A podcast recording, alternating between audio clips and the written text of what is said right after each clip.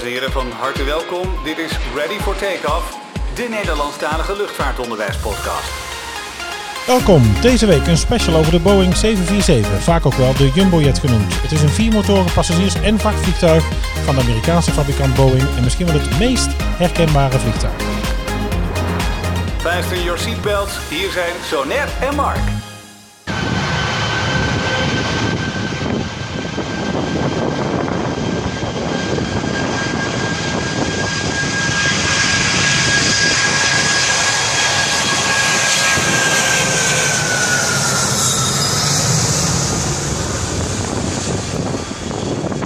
Oh, daar ging hij zo hè? Hoorde je hem?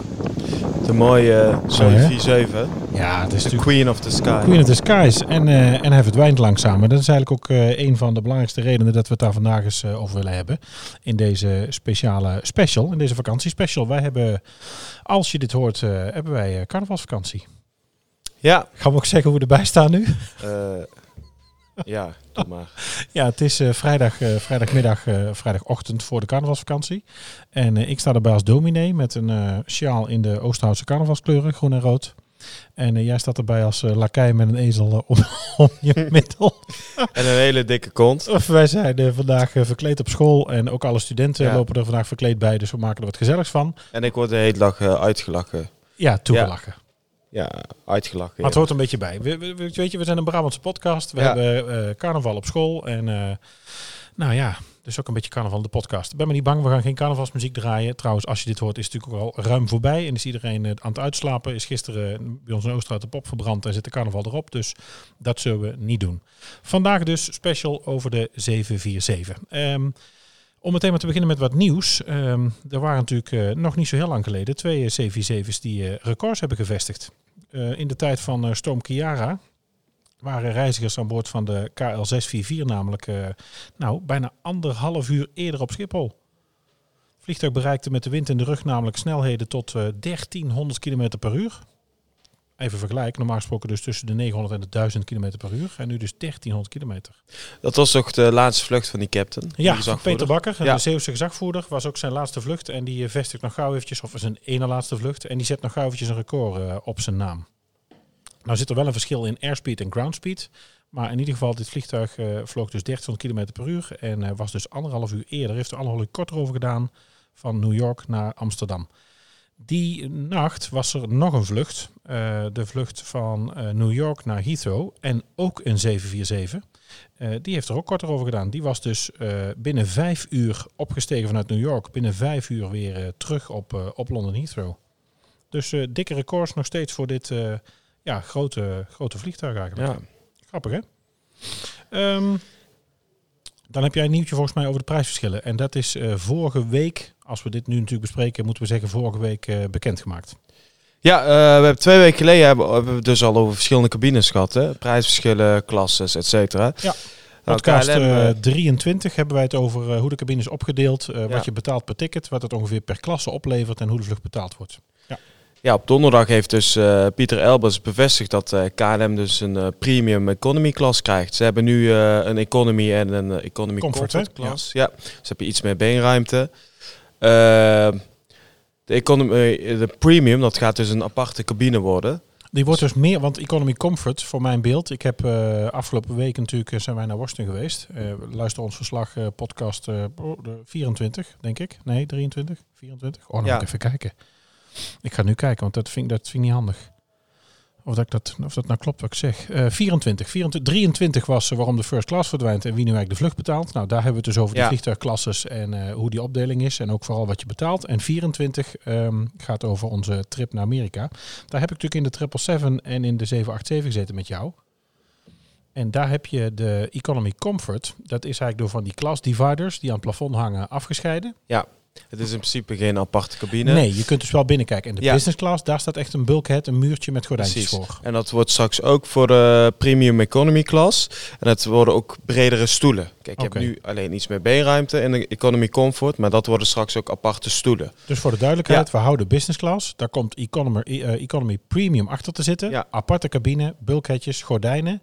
Meer beenruimte, maar ook bredere stoelen. Het is nog de vraag hoe, eh, hoe het gaat zijn qua service. Ik weet van andere airlines dat zij ook een andere maaltijd aanbieden Ja. dan, eh, dan de reguliere economy klas. Dus daar is nog geen sprake van wat er precies gaat gebeuren. Dus daar gaan we vast wel een keer lezen. Kan zijn dat dat ook nog Ja, verandert. precies. En eh, ja, eigenlijk is de belangrijkste reden waarom de KLM hiervoor heeft gekozen, is omdat de partners dat ook allemaal hebben. Nou, wat, Air France, Delta, Virgin Atlantic. Dus Allemaal een ja, premium ze moeten versie. daar wel in meegaan. Dat is dus Ja. ook precies eigenlijk waar we het eh, in 23 dus over hadden. Eh, dat je dus eh, met Concorde altijd first class vloog. Het was heel erg duur. Je kocht of een zakenticket of een toursticket. Ja. Je betaalde of vrij weinig of heel veel. Eh, nu zit inmiddels met first class en eh, business en eh, premium zit heel dicht bij elkaar. Ja. En nu gaan ze dus kiezen voor business, premium en economy. Ja, ik zie het eigenlijk meer als een, een goedkopere variant van de business class. Ja, dus- dus waar je- ja. Ja, dus waar je eigenlijk met Ja. first class en business door first weg te halen, hef je het verschil op. Ja. Of tenminste de kleine verschillen. Nu ga je eigenlijk weer een klein verschil creëren met premium economy en business. Ja, want dat, dat gaat er natuurlijk deels op lijken. Al zal de premium economy zal natuurlijk niet plat kunnen. Dat zal geen bed zijn. Nee. En dat kan natuurlijk in business kun je wel plat met een kussen en een deken. Precies. Ben benieuwd. We gaan natuurlijk zien hoe het eruit ziet. Eh, ongetwijfeld zal dat er weer heel strak, netjes en modern uitzien. Het is inmiddels 2020 en ik moet zeggen, de cabine van de KLM ziet er nu ook al goed uit. Ja, Ja. en eh, ze verwachten dat eh, het eerste toestel eh, dat het minimaal een jaar gaat duren totdat het eerste is eh, omgebouwd naar premium economy. Nou, dat duurt Ja, er nog wel even. dat duurt nog en wel Met even. welk toestel zou ze beginnen, denk je? Geen staat er niet bij. Misschien met de 7 8 of zo.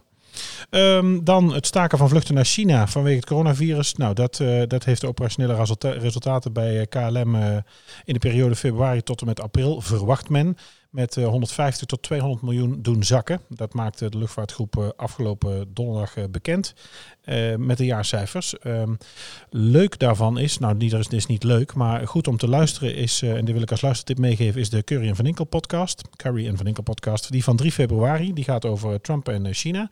En daarin stelt eh, Adam Curry, die natuurlijk in Amerika woont en eigenlijk ook Amerikaan is, dat het eh, Amerika natuurlijk wel goed uitkomt om China in de tang te houden. Eh, momenteel met het coronavirus. En dat er ook veel bedrijven zijn wereldwijd die natuurlijk nu al vastroepen dat de winst gaat tegenvallen. Ja. Het is natuurlijk ook slim dat nu te doen. Het zal ook echt wel zo zijn. En eh, het, he- ze hebben natuurlijk echt wel last van ehm, die coronacrisis, de virus. Absoluut. Ja. Het is natuurlijk ook wel heel economisch gezien interessant om dat nu te roepen dat het daaraan ligt. Wil je daar een ander inzicht over, wil je daar iets van horen, kunnen we echt de Curry van Inkel podcast van 3 februari ehm jongsleden aanbevelen. Ehm, nog een kijktip, en eigenlijk ook Boeing gerelateerd, is de aflevering van Zembla van 20 februari. Eh, die gaat over de fatale fouten van Boeing. Daar komen een aantal eh, belangrijke mensen aan het woord, nabestaanden van slachtoffers van de, van de Lionheer-kist. Eh, we zien ook Dominic Gates. We hebben heel veel van zijn artikelen gebruikt en gelezen. De, de reporter van de Seattle Times, die daar heel veel stuk over heeft geschreven, over eh, de, de crisis bij Boeing. En je ziet ook, eh, en het wordt ook duidelijk besproken, welke fouten er gemaakt zijn en wat er allemaal nu nog aan de hand is bij Boeing en wat daar speelt. Er komen zelfs geluidsopnamen, heimelijk gemaakte geluidsopnamen in voor, door ehm, eh, journalisten die met Boeing gesproken hebben. En daar worden bijzondere uitspraken gedaan. Dus daarvoor, ben benieuwd. ja, uitzending gemist. Zembla van 20 februari. Eh, dan hebben we wat vragen van luisteraars. Ik dacht misschien het aan het einde te doen. Anderzijds is het misschien goed om dat eerst te doen. Want een aantal dingen gaan we bespreken in eh, de rest van de podcast. En is misschien ook goed om dat nu vast te doen. Ja, dan is de eerste vraag van eh, Jan. Komt er nog een groter toestel of is dit de max? Ja, ik, nou ja, laat ik voor mezelf spreken. Of wil je antwoord geven? Ik denk in ieder geval, als je nu kijkt dat de 747 uitgefaseerd wordt. Alles wat nu nog bouwd, gebouwd wordt van de 747, komen we straks op terug, is eigenlijk alleen maar vracht. Ja. Eh, natuurlijk nog de nieuwe eh, Air Force 747. Ones. En de 747-800, 800. dat is de nieuwste die ze maar hebben. dat wordt vooral met vra- als Ja. vracht gebruikt en niet zozeer als passagierstoestel. En ook met het verdwijnen van de A380, de eerste zijn al verschroot. Ja. Denk ik dat dit soort types momenteel te groot zijn. Ja, viermotorige toestellen die zijn, die zijn niet zuinig. Het is Dus economisch ja, niet interessant, Ja. het is qua verbruik niet interessant. En ik denk ook met, eh, zoals wij reizen, met afstanden en eh, de hub-en-spook-principes, dat dit te grote vliegtuigen zijn gebleken. Ja, dus ik inderdaad. denk niet dat er nog een groter of eenzelfde grote vliegtuig Nee, komt. ik denk het ook niet. Volgende vraag is van GE underscore nice. G-nice, Genies, no idea. Who it is. Uh, G-Nice. G-Nice. Ja, eh, Mark is in Amerika geweest, hè? Zo, daar gaat hij weer. G-Nice.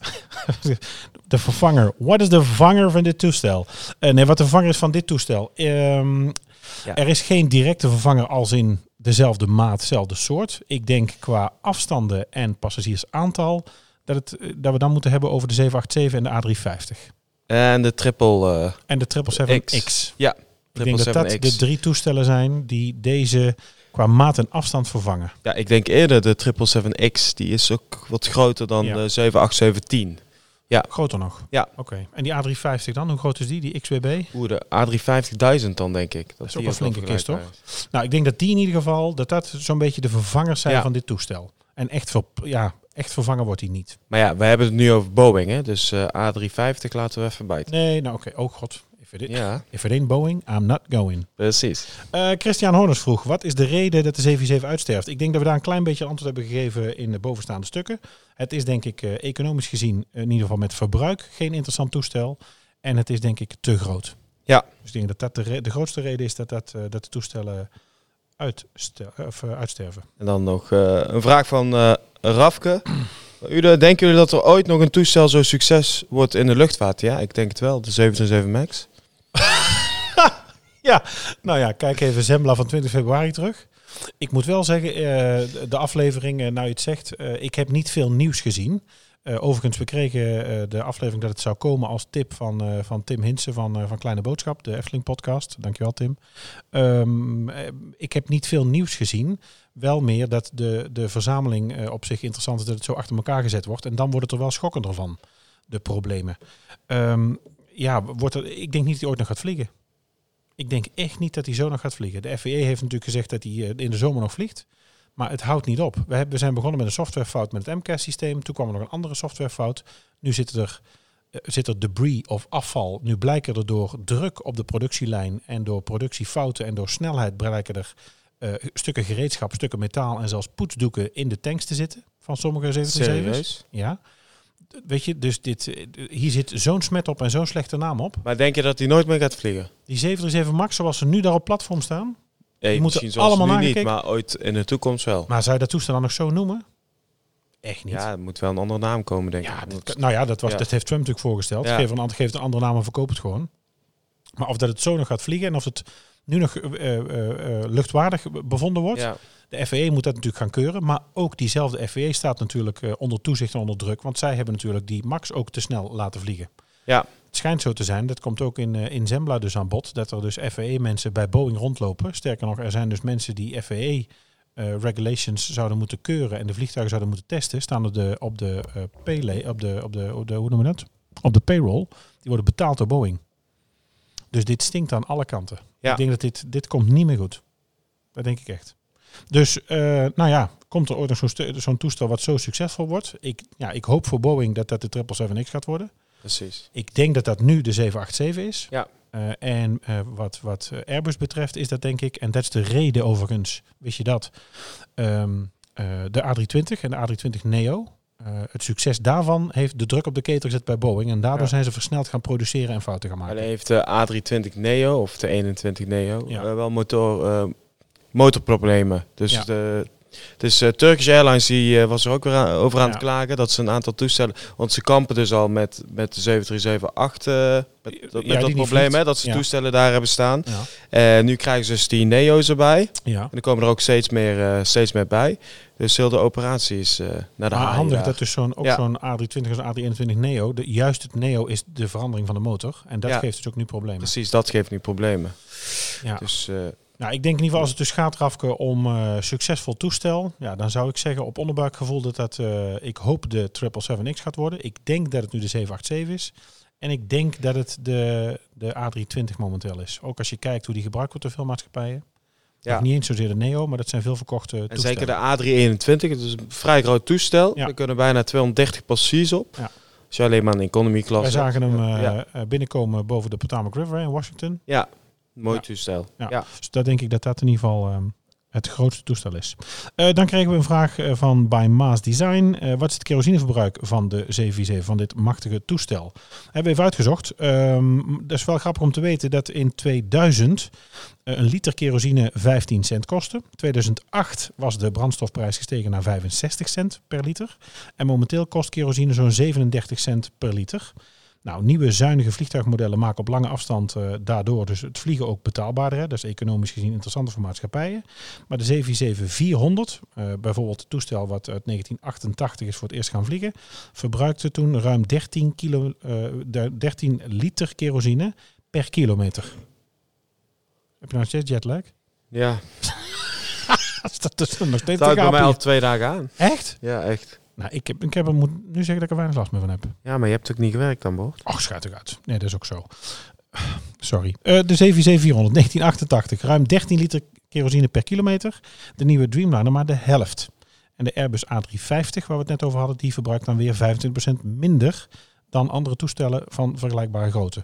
Ja, dus wat kost het? Nou ja, reken dus eventjes uit. Je gaat uit van 37 cent per liter. Dan gebruik je ongeveer 13 liter per kilometer. Nou, reken even uit zo neer. We vliegen van Amsterdam naar Washington. We hebben van de week gezien dat is 5800 kilometer. En die 5800 kilometer gebruiken we dus 13 liter per kilometer. En 1 liter kost 37 cent. De iPhone wordt erbij gepakt. Zo nergens aan het rekenen. Daar komt hij.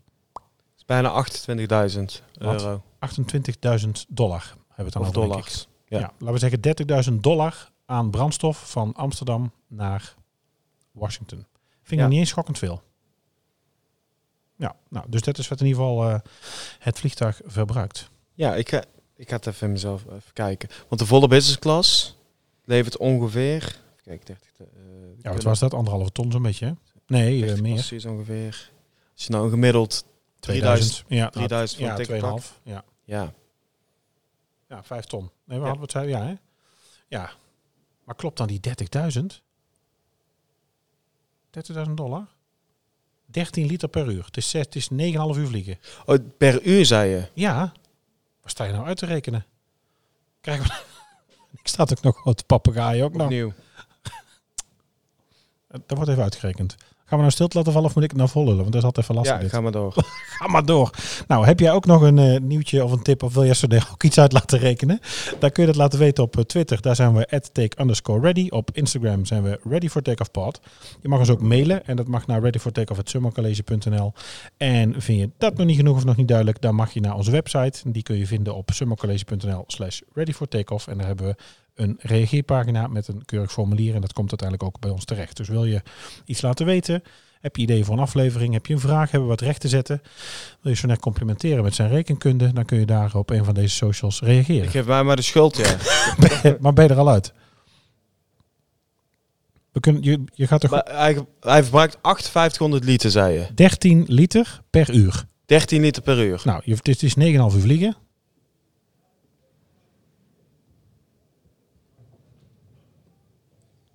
Ga even noteren, want als jij mij zo aankijkt, Ja. onder druk kan ik niet rekenen. Terwijl ik, ik ben eigenlijk best goed in rekenen. Nou, ja, moet ik dan mijn ogen dicht doen? Noem het even op. Ja, god, gaan we nou echt hier live in de podcast? Nou ja, oké. We doen het daarna wel. Nee, nee, nee, nee, nee, niks ervan. Nee, we gaan het nou uitrekenen ook. 13 liter per uur. 13 liter per uur. We- Het is ongeveer 6000 kilometer. 6000 kilometer. En je vliegt, dus dat maakt eigenlijk op zich niet uit, maar je vliegt er zo'n 9,5 uur overheen. Dat hebben we van de week erover gedaan. Dus 9,5 keer 13. 9,5 uur. Toch niet zo lang naar Washington. Eh 8,5, sorry. 8,5. 8,5 uur. 8,5 uur hebben we gevlogen. 13 liter per uur? Ja. Dat kan toch niet, zo, zo weinig? Ja. Een vliegtuig verbruikt 13 liter per uur. Nou ja, als je, nou, als je het eh, Roy vraagt, in hoe vliegt een vliegtuig? Vliegt een vliegtuig 1 op 40. Vliegtuig is heel zuinig.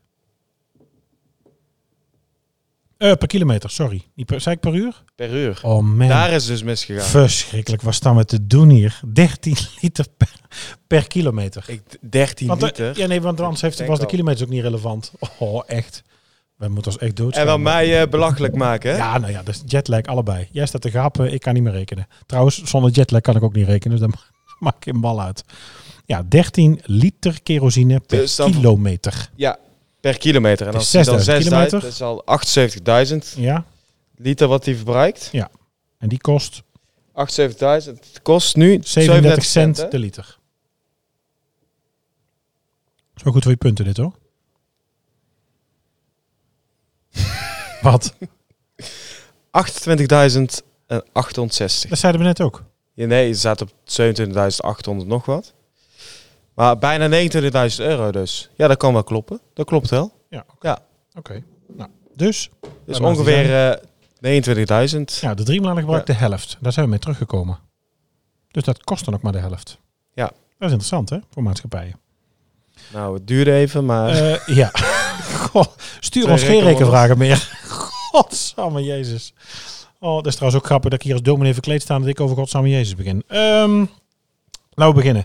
Eh, woensdag 22 januari, dat is eh, vandaag bijna een maand geleden, was het 50 jaar geleden dat die, eh, die mooie 747 in dienst kwam. Op 22 van ja- januari 1970 voerde de Amerikaanse maatschappij Pan Am de eerste lijnvlucht uit met deze Jumbo Jet. En die vlucht was ook heel grappig van Amsterdam, van Londen, van New York naar Londen. Is dat de 747 Classic nog? Ja, dat is de, de, de allereerste. eh, ook wel de Clipper Victor genoemd. En voor degenen die het echt weten, eh, registratie november 736 Papa Alpha. eh, genaamd dus de Clipper Victor. En zeven jaar later kwam dat toestel, eh, nou ja, om. Nou, toestel kwam niet om, maar eh, heel veel mensen wel. In de grootste vliegramp eh, tot nu toe eigenlijk nog steeds van de luchtvaarthistorie. Weet je Ja. welke? In Tenerife. Met, Tenerife, eh, ja. Met een eh 747 van de KLM. Een KLM-Boeing Ja. met daar aan boord gezagvoerder meneer Veldhuizen van Zanten. Een, een oud gezagvoerder. samen met de co-piloot. Als je kijkt op NTSB of je gaat maar eens zoeken op de Tenerife-ramp. Dan zul je ook zien dat tijdens onderzoek eigenlijk is gebleken eh, dat de gezagvoerder eh, de co-piloot overrulede. Eh, ze waren aan het taxiën op Tenerife. De Pan Am stond nog half op, op de startbaan. Ze konden elkaar niet zien, Nee. fysiek. Omdat het mistig was. omdat het mistig was. Ja. De 747 had haast. Men wilde toch naar huis. De co-piloot twijfelde over waar de Pan Am was. En gezagvoerder Veldhuizen van Zanten dacht, we moeten door. Dus die gooide de gashendels open. En Dat had hij in ze eerste instantie al gedaan. Toen Ja. werd hij tegengehouden door de co-piloot. Ja. En daarna heeft hij besloten om toch te gaan. toch te gaan. Ja. En Ik- daar is dus Ik denk uit die tijd dat we dus het eh, eh, Crew Resource Management systeem eh, hebben gehad. Dus dat je eh, ehm, speak up en dat er naar iedereen geluisterd moet worden. Ja, ja. Ja, dat, er- dat we daar... Ja, hiërarchie is wat dat betreft heel gevaarlijk. Nou, daar, in dit geval is dat dus wel gebleken, ja. Dat, dat eerste model, die grote, daar konden 2,5 keer zoveel passagiers in als in toen wat populair was de 707. Dus het was een heel belangrijke ontwikkeling dat we dus meer mensen konden gaan vervoeren. Nou, je ziet nu dat dat eigenlijk minder wordt. We willen nu steeds met ietsje kleinere mensen ook eh, mensen gaan vervoeren. Nou, die eerste commerciële vlucht eh, van 1970, eigenlijk tot de introductie van de A380 in 2007, was de 747 het grootste toestel eh, ter wereld. En dat heeft het daarna moeten delen met, met de A380. En beide worden nu langzaam verschoot. In mijn ogen het mooiste toestel Wat? dat ooit is gebouwd. Ja, weet je ook, wel, ik herinner Ja. me nog in, in mijn kindertijd en de tijd dat ik natuurlijk echt eh suikerzakjes, paarden en vliegtuigfoto's opzocht. eh, vooral de reclames van KLM samen met dat je dan na- met de trein naartoe kon, met die Intercity, met die bult ja, bovenop. ja, ja. Allebei die bult. Ja, ik vond dat wel mooi. Ja. Roept toch een soort romantisch beeld Ja. op van het vliegen. Ook die, eh, je hebt die serie gehad hè, van Pan Am, dat ze voor het eerst met het, met het vliegtuig gaan vliegen.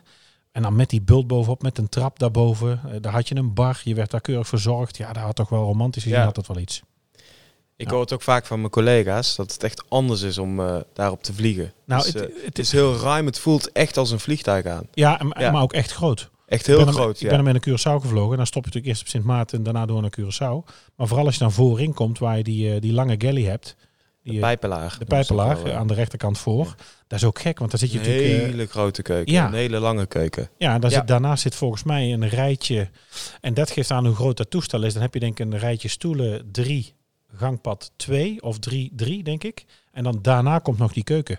Moet je nagaan hoe groot dat ding dus is. Ja. En mocht je, mocht je in een 747 willen kijken... eh Corendon eh, heeft dus een, zeven- een oud 747 toestel van de KLM naast het hotel staan. Dus daar kun je ook naar binnen. Ja, en Ja. met Aviodroom staat er ook nog één. Ook nog, ja. Kun je dat, is dat een 400 of een ouder toestel? God, dat, ik classic. dat nou ook hier met de microfoon voor mijn neus vraagt. Ja, dat hadden we eerder uit moeten zoeken. Maar als Google jij nog even Ik ga ondertussen. even eh, googlen. Ehm, die 747, het zag er eigenlijk 15 jaar geleden niet zozeer uit dat het een groot succes zou worden. Eh, Boeing had eigenlijk zelf geen hoge verwachtingen. De bouw overigens was nog niet zo evident en niet zo eenvoudig. Daar komen we nog wel eens op terug. Ehm, En ze dachten zelf al wel ingehaald te worden door, uh, door de Concorde, de bouw van de Concorde. Maar 400 toestellen later dacht Boeing uh, nou toch wel wat meer uh, toestellen te kunnen slijten. En uiteindelijk hebben ze al meer dan 1500 van de, van de, toet, van de toestel verkocht. Nou, ik heb het even opgezocht. Ja. Er staat een 747-200 en de 400 staat dus ah, bij het Corendon Hotel. Er staat een 200 in het Aviodroom en een 400 bij het Corendon Hotel. Ja. Oké, kun je bij het zonder dat je in het hotel slaapt ook in de kist? Ze hebben bepaalde dagen, open dagen eigenlijk, dat je naar binnen kan. Dus daar kun je voor inschrijven. Ook misschien leuk als je kinderen hebt, dus, om een dagje daar naartoe te gaan. Ik ben toevallig in dat hotel verbleven. En mag je dan standaard binnen? Uh, je wordt gewoon ingeschreven en begeleid. Oh, oké. Ze deden niet moeilijk toen. Nee, dus maar je mag dus niet zelf gaan rondlopen en een beetje overal aan zitten. Jawel. Je mag oh. ook gewoon rondlopen. Oh, misschien er staat wel iemand in de cockpit die het een beetje in de gaten houdt. Ja. Maar je kan verder gewoon in de cabine gaan. Je kan in de slaapruimtes gaan kijken. Je kan eigenlijk bijna overal gaan kijken. Je moet dus een mailtje sturen dat met uh, klassen naartoe kunnen. Ja, ook leuk. Leuke excursie. Ja, kunnen wij daar het, is, uh, het is eigenlijk een, uh, een KLM-cabine. Ze hebben dus het interieur niet veranderd. Het is nee. nog steeds een KLM-interieur. Oh, ja. Misschien moeten je ziet nergens bij KLM staan, maar de blauwe stoelen, de blauwe ja. wanden, alles staat Ja, dat zie je natuurlijk meteen. Misschien moeten we daar met onze, onze H1 Ja. en uh, naartoe samen. Goed idee. Misschien moeten ja, even mailen. Podcastje opnemen. Moeten we even contact opnemen. Cor en Don. Cor en Don. Mocht de Cor en Don luisteren, wij komen graag even kijken naar jullie eens even weer.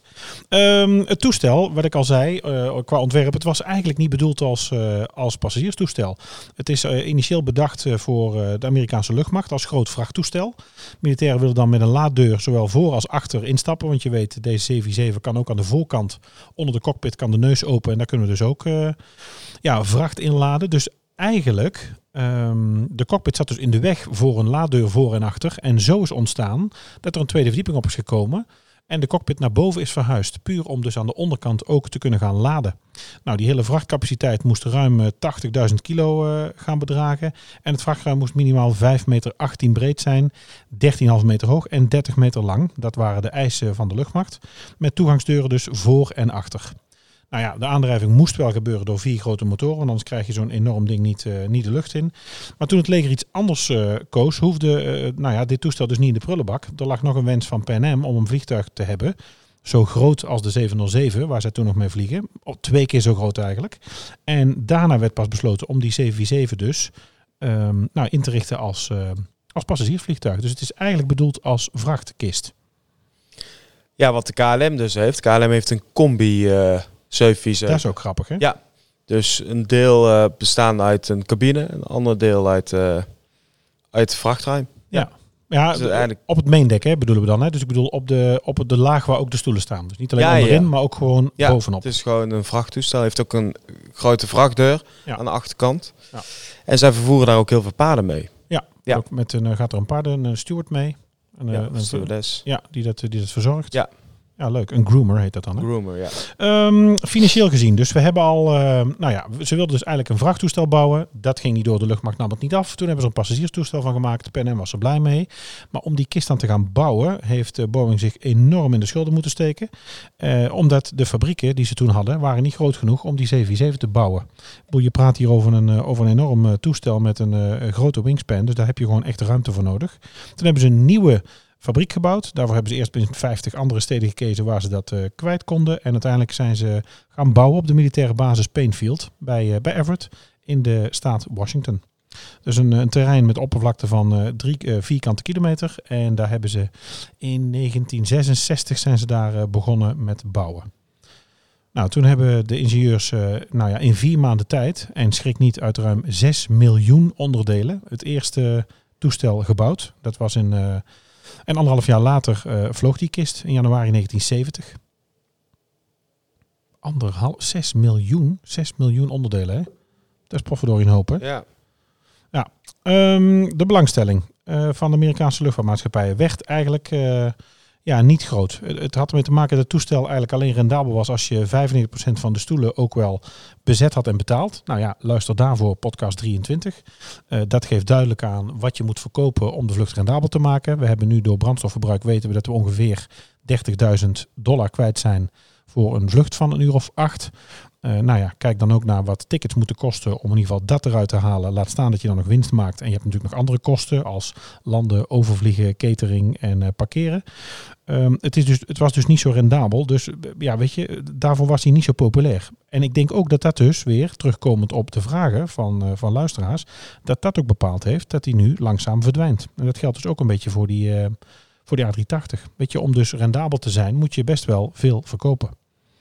Nou, voordat de eerste 747 uh, voltooid was, uh, zijn ze al getest met de onderdelen en systemen. Belangrijke test was natuurlijk evacuatie. Uh, wij vertellen studenten hier ook altijd.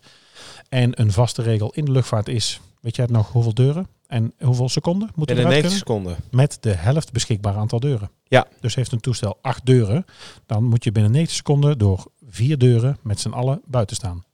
Ja, dat ging in de eerste test anders, hè? Ja, het heeft iets langer geduurd. Volgens mij bijna bij de meeste. Ik heb als een filmpje, ja, bijna, bijna uh, bij een, uh, een test gezien van A380. Daar doen ze dat met een hoop studenten. En daar komen de eerste ook buiten met gebroken enkels en polsen en armen. Dus je kunt ook altijd, zeg ik altijd, als je van de sluit moet springen, even wachten tot er beneden wat mensen op de grond liggen. Dan land je zelf ook wat zachter. nou, ze hebben... En uh, graag zonder bagage ook. Ja, de, ja, niet alles meenemen. Ja, wat mensen dan vaak wel doen. Nou, het is dus 560 vrijwilligers werden dus in een, uh, in een model van de cabine geduwd. En wat je ook al zei, inderdaad, 2,5 minuut duurde de eerste ontruiming. Dat is eigenlijk een minuut langer dan de toegestane 90 seconden. En, uh, en vooral veel verwondingen. Nou, in plaats van de gangbaar glijbaan moesten vrijwilligers met een harnas in een haspeltje ook wel afdalen. Toch zeker van de bovenverdieping. En later is daar wel een echte slide aan gezet. Je kunt daar wel filmpjes van vinden op, uh, op YouTube. Dan moet je eventjes uh, slide deployment of slide, slide evacuation 747. Nou, ik heb het nooit gedaan. En we hebben hem in de hal bij uh, KLM waar wij oefenden. Stond er wel een, hè? Daar kon je wel van een slide ja. van het upper deck af. Ja, daar ben je geen happy camper als je daaruit moet. Heel hoog. Och, niet fijn. Um, taxiën. Heel grappig feitje. Uh, om taxiën te oefenen voor de vliegers, daar zijn ze ook op tijd mee begonnen. Kijk, vliegen op een brede startbaan, nou ja, oké. Okay. Uh, hij is wat groter, dat vergt wat oefening, ja. maar dat lukt wel. Taxiën over wat smalle wegen, dat werd lastiger. En daar hebben ze bij Boeing piloten mee laten oefenen. Door een model van de cockpit op een container van een vrachtwagen te zetten. En daarmee rond te rijden. En dat dan ook bestuurbaar werd. Om dus het idee te hebben. Ja, je moet je dus voorstellen, je zit dus als je stuurt in een vliegtuig sowieso al hè, ver bovenin. Ja. Uh, je, ik heb ook wel eens gezien uh, in, in de cockpit zittende dat je uh, met het neuswiel echt op die streep moet rijden. Dus je rijdt eigenlijk zelf bijna midden op de afslag of de afslag voorbij voordat je hem indraait. Maar om dus zo'n 747 in te taxiën, ja, daar hebben ze dus geoefend door bovenop een, op een vrachtwagen te gaan zitten. Om dat te doen. Uh, de eerste vliegtest 1968 op uh, 30 september 1968 in dus Everett op Payne Field was de eerste, de eerste testvlucht. Rolde in ieder geval voor het eerst eentje buiten, maar de eerste vlucht werd pas gemaakt op 9 februari 1969. Um, er waren wat problemen met vleugelkleppen. Uh, de test was op zich wel succesvol. Uh, de 747 bleek inmiddels grotendeels immuun voor de Dutch roll, een gevaarlijk fenomeen wat bij eerdere vliegtuigen met pijlvleugels uh, waar zij veel last van hadden. Misschien kun jij zo meteen even uitleggen wat die Dutch roll precies is. Uh, bij latere tests bleek dat die vleugels onder bepaalde condities eigenlijk begonnen te trillen. Uh, dat probleem werd opgelost door onderdelen van het vliegtuig stijver te gaan maken. Nou, die eerste trillingen werden daardoor onderdrukt. Maar hoe hebben ze dat nou gedaan? Dat hebben ze gedaan door verarmd uranium op te hangen, te plaatsen bij de buitenste motoren. Um, ja, dit leidde tot grote onrust na het neerstorten van zo'n vliegtuig. Bijvoorbeeld uh, als in de Belmerramp, het El Al-toestel wat in Amsterdam in, uh, in de Belmer tussen twee flats uh, inschoot. Omdat je dus dan uranium bij het vliegtuig hebt zitten, wat dus dan op de grond komt en verbrandt of in ieder geval versnippert. Um, heb jij die Dutch Roller gevonden? Nee, ik ben nog aan het kijken. Oh. We googelen nog even. En, je hoeft niks uit te rekenen, hoop ik hè? Ja, als jij mij de goede getallen wil geven. Oh, echt verschrikkelijk. Nou, de eerste commerciële vlucht die, die primeur had, en dat was natuurlijk, uh, vertelde ik net al, dat was Pan Am. Zij wilde graag een, uh, een toestel dubbel zo groot als de 707. En op 15 januari 1970 uh, doopte First Lady Pat Nixon Pan Am's eerste 747, die Clipper Victor. Die Clipper Victor die dus de eerste commerciële vlucht maakte op de avond van 21 januari. En heel grappig, nou ja grappig, de, een van de motoren raakte oververhit.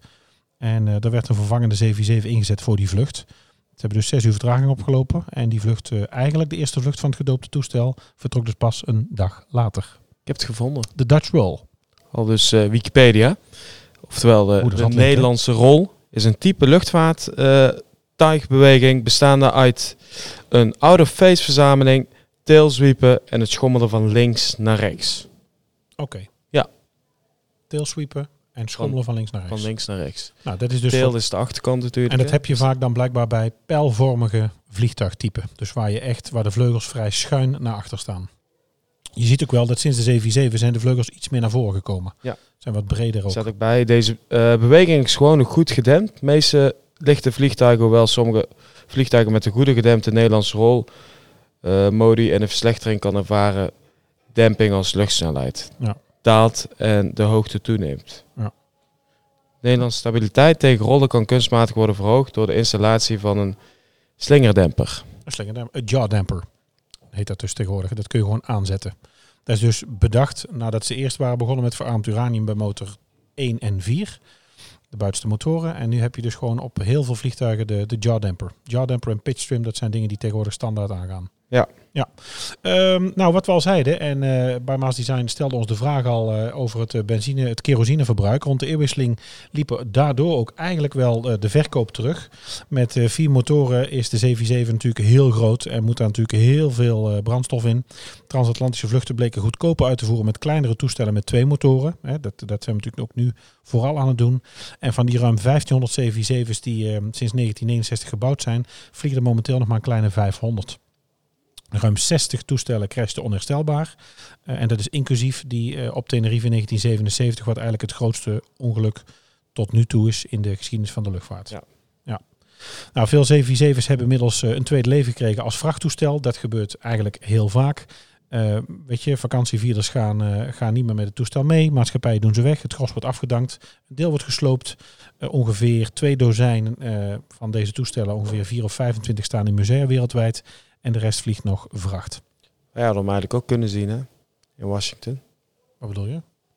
747. Ik heb hem gezien. Dat heb jij niet gezien. Maar ik zat natuurlijk in de hal te wachten. Jij was volgens mij al binnen in de 787 checks aan het doen. En toen kwam Transavia binnen. Eh Transavia kwam Lufthansa Nee, nee, binnen. ik, eh, in dat museum. Oh, in het, RSP dat bedoel is, Ja, eh, oh, daar wou je nog even in wrijven. Ja, Ja, we waren het Air Space Museum. Als je dit luistert en je hebt eh, aflevering eh, 24 niet gehoord.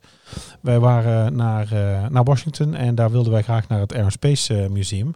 Maar daar was de hele hal, de, de hoe heet het nou toch? De, de, de, de was er iets met. Boeing, toch? Nee, Boeing hebben we gezien. Dat was dat speelgedeelte voor kinderen. Met hoe een vliegtuig vliegt. Op zich grappig, maar ja. mhm. We hebben dan wel wat eh maanlandvoertuigen gezien. Een paar raketten. Het spacepak van eh, Neil Armstrong. Het vliegtuig van de Wright Brothers. De Wright Flyer. En eh, het, de hal waar we voor kwamen eigenlijk. Met die neus Ja. van die... Volgens mij de neus van een 77 van Northwest. Dat zwart met grijs. Nee, dat grijs met rood. Ja. En de Concorde staat daar ook.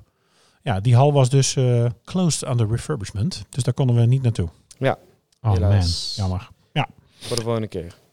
Grootste gebruikers nu nog. Oh, en dat is inderdaad eh, wat ik vertelde. De grootste gebruikers van deze passagiersversie nu nog is British Airways en eh, Lufthansa. Ze hebben allebei eh, nog 32 toestellen. KLM heeft er nu nog vijf Vier? of acht. Vier. volgens mij.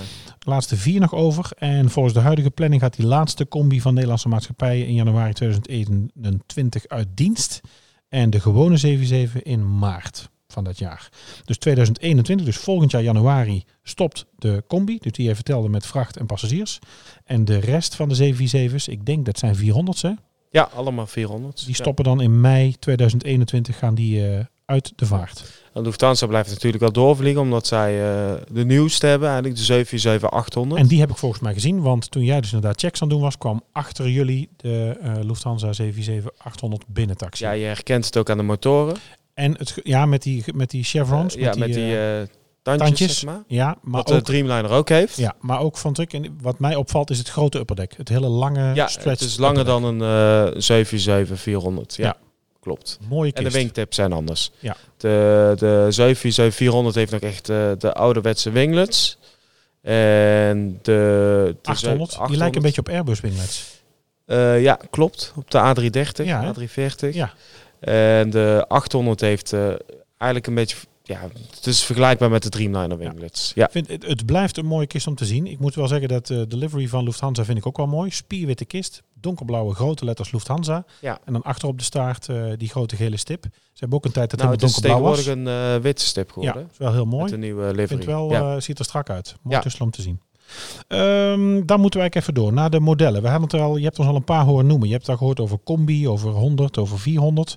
Nou, het, originele model, het allereerste model, waar eh, ook eh, KLM nog wel... Nee, heeft KLM mee gevlogen? Ja, heeft ook mee gevlogen. Met de 100. Eh, daarna kwam de 100B, die had een hoger startgewicht. Toen kwam de 100 SR, een, ehm, een groter aantal stoelen, konden meer mensen in. Nou, vooral het hoger startgewicht zorgde ervoor dat het vliegtuig eh, meer brandstof kon meenemen en daardoor verder kon vliegen.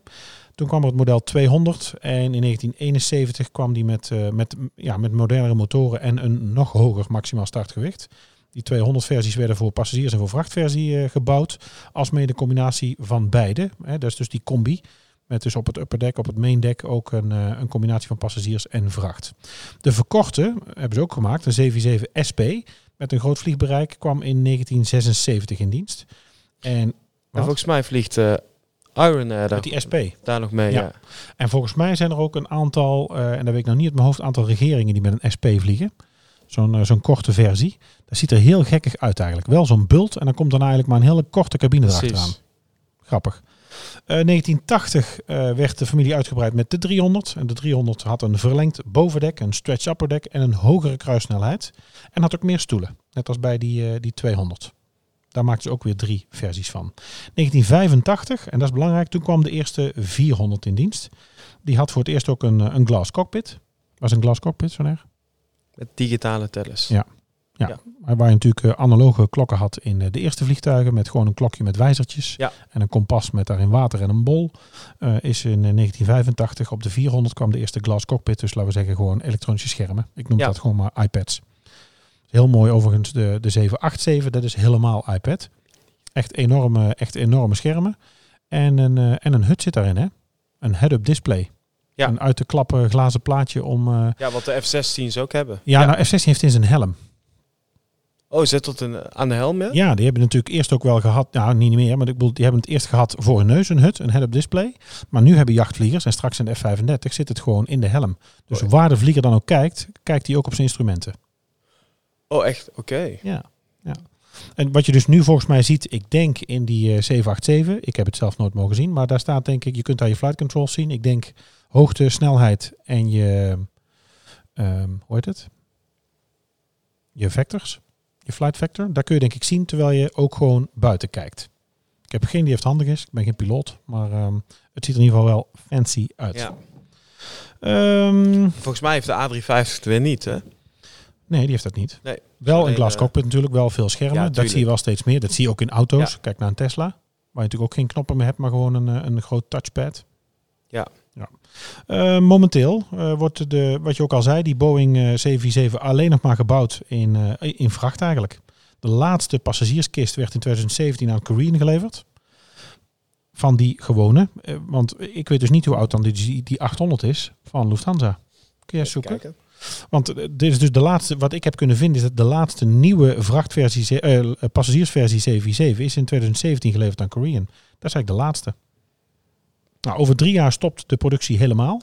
Eh, belangrijkste toeleverancier, de Triumph Group, die stopt namelijk ook met levering van onderdelen. En op eh, 14 november 2005 maakte Boeing bekend dat het eh, de. Oh nee, dat ze dus aan de 747-8 zijn gaan werken. Dus die is al, hè, die stamt dus al uit 2005. Ja. Dat Daar zijn ze voor het eerst mee begonnen. En Lufthansa heeft hem in, eh, de eerste, dus in 2012, in eh, dienst genomen. 2012 de eerste. Ja. En de laatste, kun je dat ook nog zien? Zoek ook eens eventjes. Het toestel, eh, die 787-8 is 3,6 meter langer dan de 400. Kan 34 passagiers meer meenemen. En heeft een eh, vliegbereik, eh, vergroting eh, met 550 kilometer naar totaal 15.000 kilometer. 15.000 kilometer. Dat is dus non-stop. Laten we zeggen drie keer op en neer naar New York. Grofweg. Nou, die laatste 74700 werd in 2009 gebouwd en de vrachtversie van de 78 maakte zijn eerste vlucht op 8 februari 2010. Cargolux nam in 2011 als eerste maatschappij die eh, Dash 8 in ontvangst. Nou, wat er nu gebouwd zou worden, en dat gaat eigenlijk een beetje in op de vraag van, wie vroeg het ook alweer, wat gaat dit toestel vervangen? Even kijken. Oh jee, moet ik hem naar boven. Wie had de vraag? Nou, ik zie hier, Ja, eh, dit is dus via Airfleet, kun je dus alle toestellen zien die eh, Lufthansa in gebruik heeft. ja. Dat ze de laatste in eh, april 2015 eh, gebouwd in hebben. gebruik hebben genomen. Oké, dus die Ja. is dus ook al een aantal jaar oud. Ik vond En het hij is eh, benoemd naar eh, de stad eh Köln. Keulen. Hij zag er Ja. nog goed uit, vond ik. Eh G underscore nice. G nice, Genies.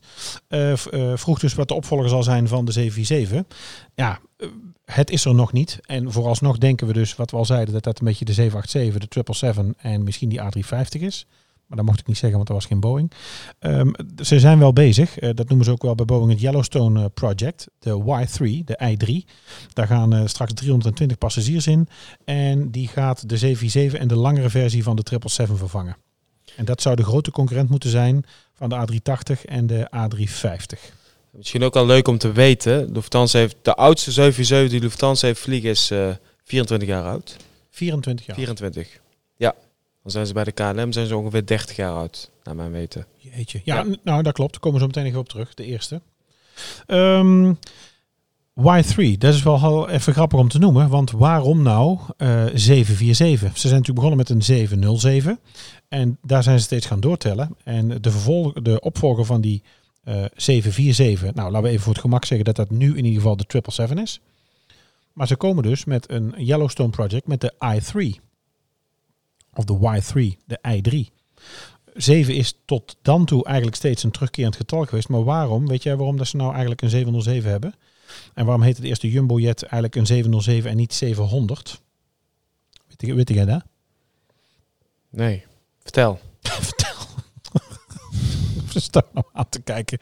Ja, antwoord is dus eigenlijk eh, eh, marketing. Marketing en de marketeers van de vliegtuigbouwer.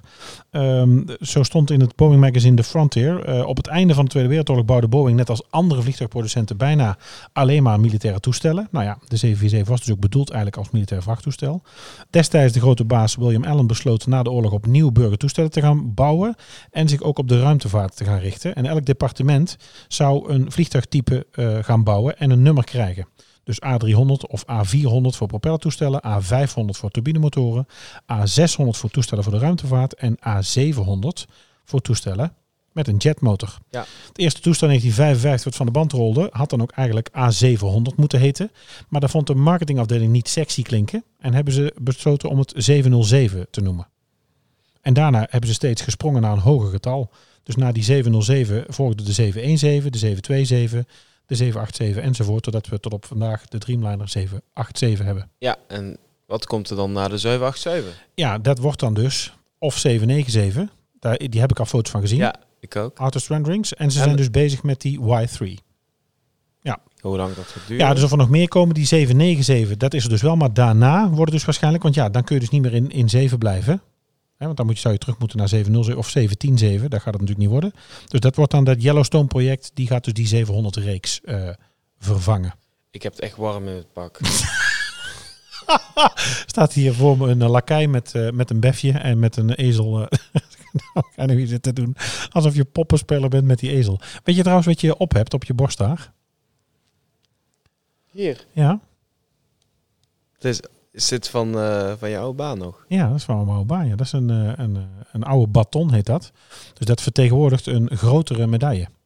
Oh, een is- grotere medaille. Ja, dus je hebt een medaille en daar zit deze baton bij. Je hebt dus bij eh, grote feestelijkheden met je uniform mag je dus je grote medaille erop. De rest van het jaar, minder feest, minder belangrijk, mag je de baton op. Oké. Om te laten zien dat je die medaille hebt gehaald. Hoeveel is dit waard op Marktplaats? dat weet ik niet. Marktplaats, we bent ook een ontzettende handelaar. Nee, dit is niks waard op Marktplaats. Maar dit is voor mij wel belangrijk, want dit is mijn, eh, mijn eh, medaille voor marsvaardigheid, zoals dat heet. Oftewel de. Nijmeegse Vierdaagse. Weer iets gelegd. Tering aan het lopen. Mag je een tering zeggen? Oh, dan moet ik hem zo meteen op explicit zetten. Ja, te laat. Eh, we moeten even door. Snelheid en eh, aantal passagiers. Het is natuurlijk een, een, een grote kist. Eh, die 747-400, eigenlijk momenteel de meest gebruikte passagiersvariant op dan de 800 na. Die daarna dus gekomen is, of veel later gekomen is, maar nu dus heel erg populair is. Is, op, is eigenlijk het, het snelste lijnvliegtuig met subsonische kruissnelheid, zoals dat heet. Dus macht, eh, machtpunt 083 of tot, tot Mach eh, 086. Het toestel heeft een intercontinentaal vliegbereik van ehm, bijna 8000 zeemijl. Dat is zo'n kleine bijna 14.000 kilometer. En kan in standaarduitvoering in drie klassen met 416 passagiers en met twee klassen met 525 passagiers vliegen. Zou je hem helemaal vol duwen met stoelen? Eén klasse. Ja, 660 Ja, passagiers. Kun je hè? 6,500 Zo. mensen kwijt. Nou, de nieuwste versie van die 787-8 is dus sinds 2011 in productie. De levering van de 778 uh, Freighter, de 8F, is in uh, Cargolux, uh, naar Cargolux gegaan in 2011. En uh, hier staat hij, de levering van die passagiersversie 787-8i is uh, naar Lufthansa gegaan in 2012. Waarom de I?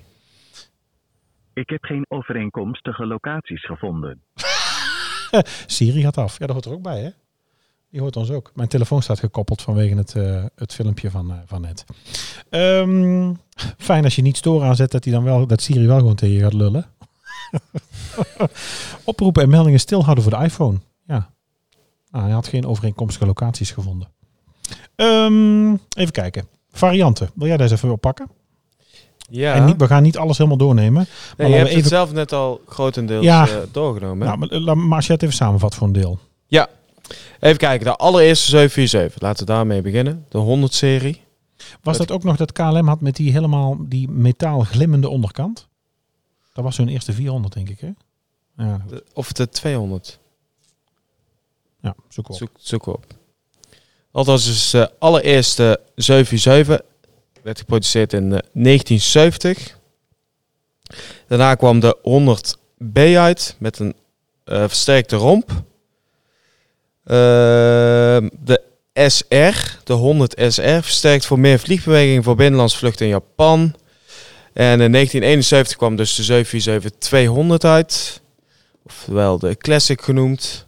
Uh, zo heb je de meerdere varianten van. De F bijvoorbeeld, dat is de vrachtversie met opklapbare neus en een vrachtdeur. Links achterin ja, ja, dus, dus waar sowieso de neus van open kan. Ja. En links achterin kan er een enorme cargo deur open. Ja, dat is nog steeds op de huidige 747, ook ja. op de 400 kan de neus ook omhoog van ja. de cargo toestellen.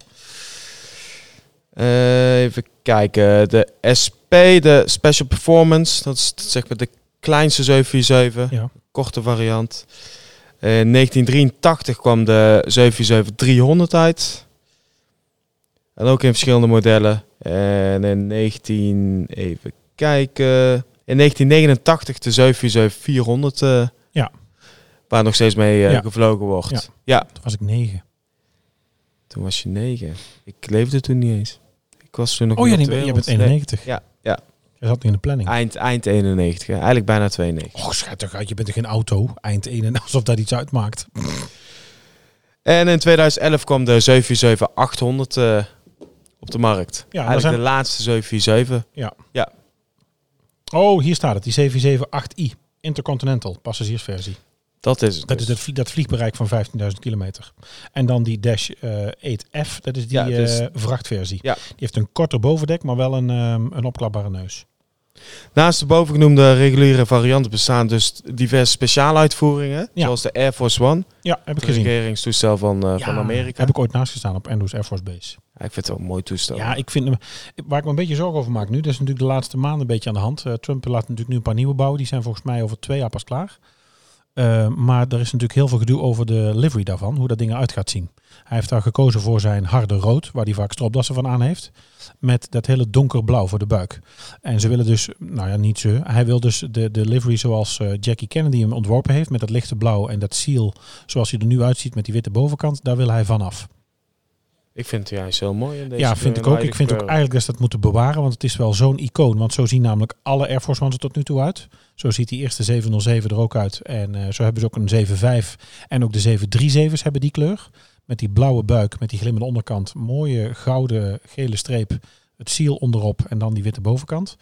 Maar ik heb ook wel begrepen dat het moment dat hij niet herkozen wordt en er komt een andere president. Ik bedoel, de kisten zijn nog in aanbouw. De delivery kan uh, op ieder moment gewijzigd worden. Dus hij kan nu heel populair zeggen, zo gaan ze eruit zien. En zoek maar eens op uh, uh, hoe hij dat eruit wil hebben zien. Maar dat kan dus ook zo ja. stilgezet worden. Of, of veranderd worden.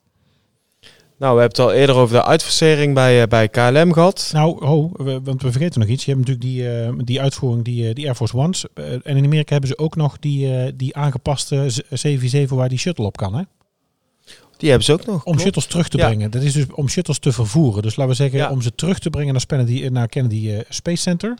Daar is die, het is niet dat je dat ze kunnen vertrekken vanaf de 7-4. Dus dat ze gaan vliegen met de dingen dat die shuttle zich loskoppelt. Maar het is om een shuttle op te halen en terug te brengen naar uh, de lanceerbasis. Ja, of hij heet ook de eh, Shuttle Carrier Aircraft. Ja, hebben ze Ja. er twee. Dus ik zou het zeker even googlen. Heel mooi om te Ja, zien. ziet er vet uit. Ja. En natuurlijk hebben een aantal regeringen hebben ook, eh, volgens mij heeft eh, Erdogan ook een, eh een 747 tot zijn beschikking.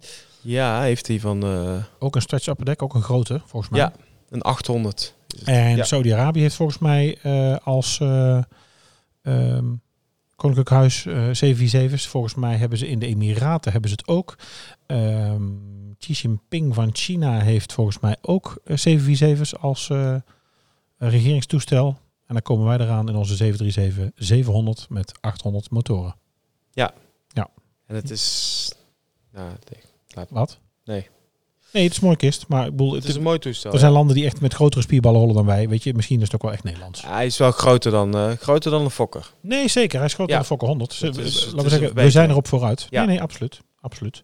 Maar, eh, zoals we al zeiden... En eh, heel mooi van binnen trouwens. Ja, en ik vond vooral de kustjes vind ik mooi. En ik vind de livery ook heel mooi. Nee, ik niet.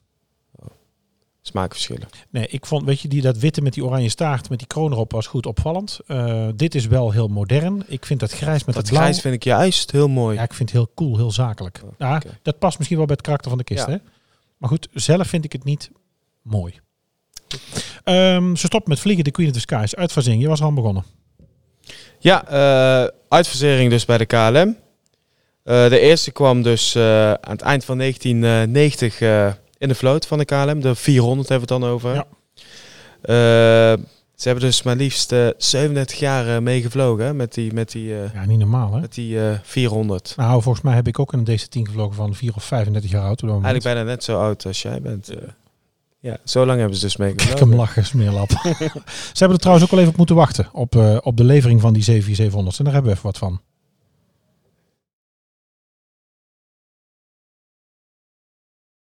Als het werkt. 400. Nou, er is heel wat over te doen geweest. Het toestel mocht pas komen nadat de Amerikaanse vliegtuigfabriek had toegezegd een aantal veranderingen aan te brengen. Veranderingen geëist door de Nederlandse Rijksluchtvaartdienst, die nu waarschijnlijk in alle nog te bouwen nieuwe 747's zullen worden aangebracht. Vanmiddag om even over 12 landen die, sommige mensen zeiden eindelijk, op Schiphol. De nieuwe 747-400. De KLM heeft het toestel als eerste in Europa.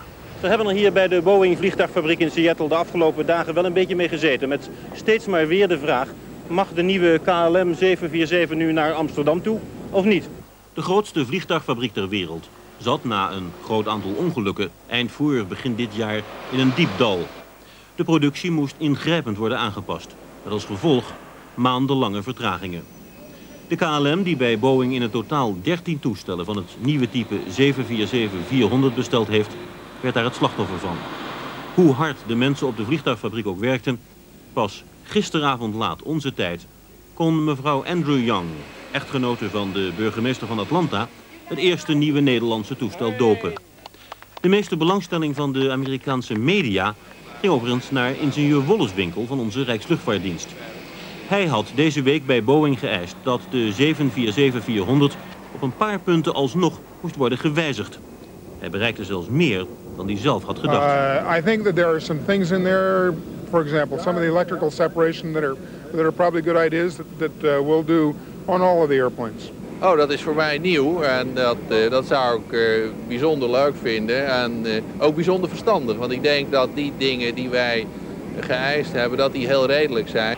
Er bleven na het vertrek nog wel financiële meningsverschillen. De 747-400 is een uitstekend en veilig vliegtuig. Ten aanzien van de additionele veiligheidsvoorschriften die komen, zullen we de kosten daarvan natuurlijk nader met Boeing moeten bespreken, evenals de kosten van de vertraging. Aan de kleine opstaande vleugeltjes opzij van de grote vleugel herken je het nieuwe toestel. In de cockpit slechts twee vliegers. De plaats van de boordwerktuigkundige is overgenomen door de computer. Voor de passagiers tenslotte telt vooral dat het nieuwe toestel zo zuinig met zijn brandstof omgaat dat 13.000 kilometer non-stop vliegen mogelijk wordt. Dat is bijvoorbeeld van Schiphol naar Singapore.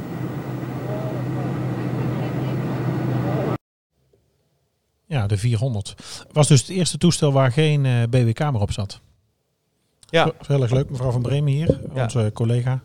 Collega van Ground. Haar vader is nog eh boordwerktuigkundige geweest op een 747 bij KLM. Ja, die heeft eh, heel lang daar nog eh, gevlogen inderdaad. Ja. Ja, en nu gaan ze dus eh, langzaam uit. Hoeveel zijn ze nu nog over bij de KLM? Er zijn nog vier over. En die Vier. zijn benoemd naar bekende wereldsteden. De Lima, Nairobi, Hongkong en Johannesburg. Want de laatste vertrokken, of de recent uit elkaar gehaald, is de Guayaquil. Guayaquil, Ja, die eind die- 2019. ja, die is eruit gegaan. Oké. En in 2021 moeten ze dus allemaal eh, vervangen zijn door eh, zuinige 777's Ja. en eh, Dreamliners. Ja, de, de geschiedenis van de 747 heeft Maar, ook wel... Oh, sorry. Ja? teruggekomen. Eh, ze blijven nog wel met de cargo toestellen vliegen. Dus Ja. de 747 gaat er niet volledig uit. Nee. Dus ze blijven dus nog wel... Niet cargo. helemaal weg, Nee. alleen niet meer met passagiersvervoer. Nee, Want inderdaad. daar zijn ze te groot voor. Eh, die hele geschiedenis van die 747, daar wou ik aan beginnen, is natuurlijk niet, eh, helaas ook niet zonder smetjes. Er zijn in totaal 124 ongelukken gebeurd met de 747. De grootste ramp uit de geschiedenis, wat we al zeiden, was de ramp op Tenerife. Daar was een, een botsing tussen die twee toestellen. Ehm, dat was dus die Clipper Victor, hè, wat ik vertelde. En in de Belmer-ramp, de, de El Al-kist, was ook een 747. Nou, daar zijn een aantal incidenten. Eh, misschien dat eh, luisteraars dat weten. Als je luistert, misschien herken je het. Is de Japan Airlines vlucht 123. De aanslag bij Lockerbie. Ik zie de kist nog eh, gehalveerd zo in het gras liggen. De Trans World America, de TWA 800. De Korean vlucht eh, 801. United 811. UPS vlucht, een vrachtvlucht, eh, vlucht 6. En de Zuid-Afrikaanse luchtdienstvlucht 295. Eh, die hebben ook eh, stukken gemaakt. Nou, wat er nu wereldwijd nog vliegt, eh, de 7700 ER, Extended Range, wat er nu nog eh, operationeel is. Eh, British Airways heeft er nog 32, Lufthansa nog 13, eh, de KLM dan nog, wat zei je, 4? Vier. Virgin Atlantic heeft er nog 7. wat hebben we nog meer? Royal Air Maroc heeft er 3, Saudi heeft er 7, eh, China, eh, Air China 3, China Southern nog 4. Eh, waar, wat hebben we Korean nog? Airlines nog twee. Korea nog 2, Air India nog 4, Qantas nog 6. Mahan Airlines, volgens mij ken het eh, niet eens. Iraans. Ja? Nog één toestel. Oké, Flynas, ken je dat? Die hebben ook twee. Fly Nas. Is het Atlas Arabisch? R5. Eh Bahrain, Bah- Bahrain Amiri Flight eentje. Bahrain Royal Flight 1. De Royal Flight of Oman is, heeft er ook één. Eh, Dubai heeft er nog vier. Saudi-Arabia Government heeft er één. De. Koreaanse overheid, Kim Jong-un heeft er ook één. Ehm, en eh, One Caribbean heeft nog één kist. Ja. Nou, dat eigenlijk eventjes zo kort over die... nou ja, kort. We zijn toch een uur hebben kunnen praten over dit. ja, voor, ik vind ik toch wel een mooi toestel. Ik vind het, nou, tot de verbeelding sprekend. En het is natuurlijk ook duidelijk opvallend. Ik heb vorige keer volgens mij al gezegd dat ik de 757 als neusje eh, heel mooi vind. Maar het is natuurlijk in ieder geval met die, met die bult is natuurlijk wel een, eh, een geweldig ding. Ja, Fly Nas is dus eh, Arabisch. En ik zie dat zij dat toestel hebben overgenomen van Virgin Atlantic. Oh, want die hebben Ja, nog rode motoren. Combi eh, livery. Ze niet overgeschilderd. Nou ja, samengevat gaat die Queen of the Skies dan eigenlijk wel verdwijnen? Ja, uiteindelijk dus wel. Aantal passagiersvluchten wordt in ieder geval snel minder. Eh 2021 stopt KLM ermee. Er wordt nog wel vracht vervoerd. Eh, het vliegtuig kan dus inderdaad nog wel wat levensduur hebben. Eh, UPS heeft er nog eh, 14 besteld.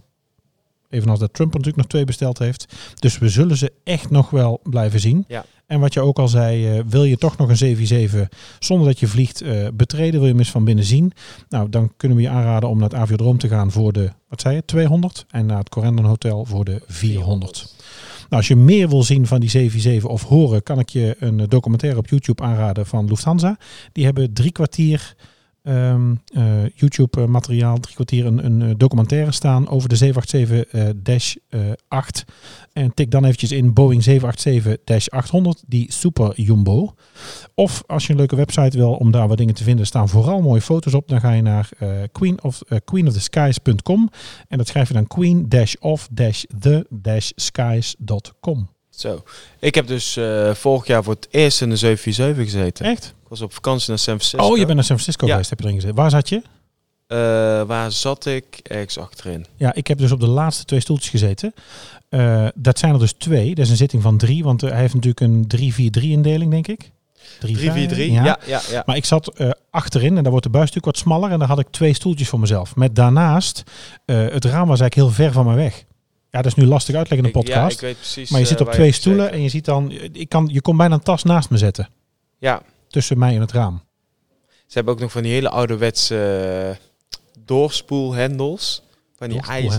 Ja, uh, om het toilet door te Oh, spoelen. toilet. Ja.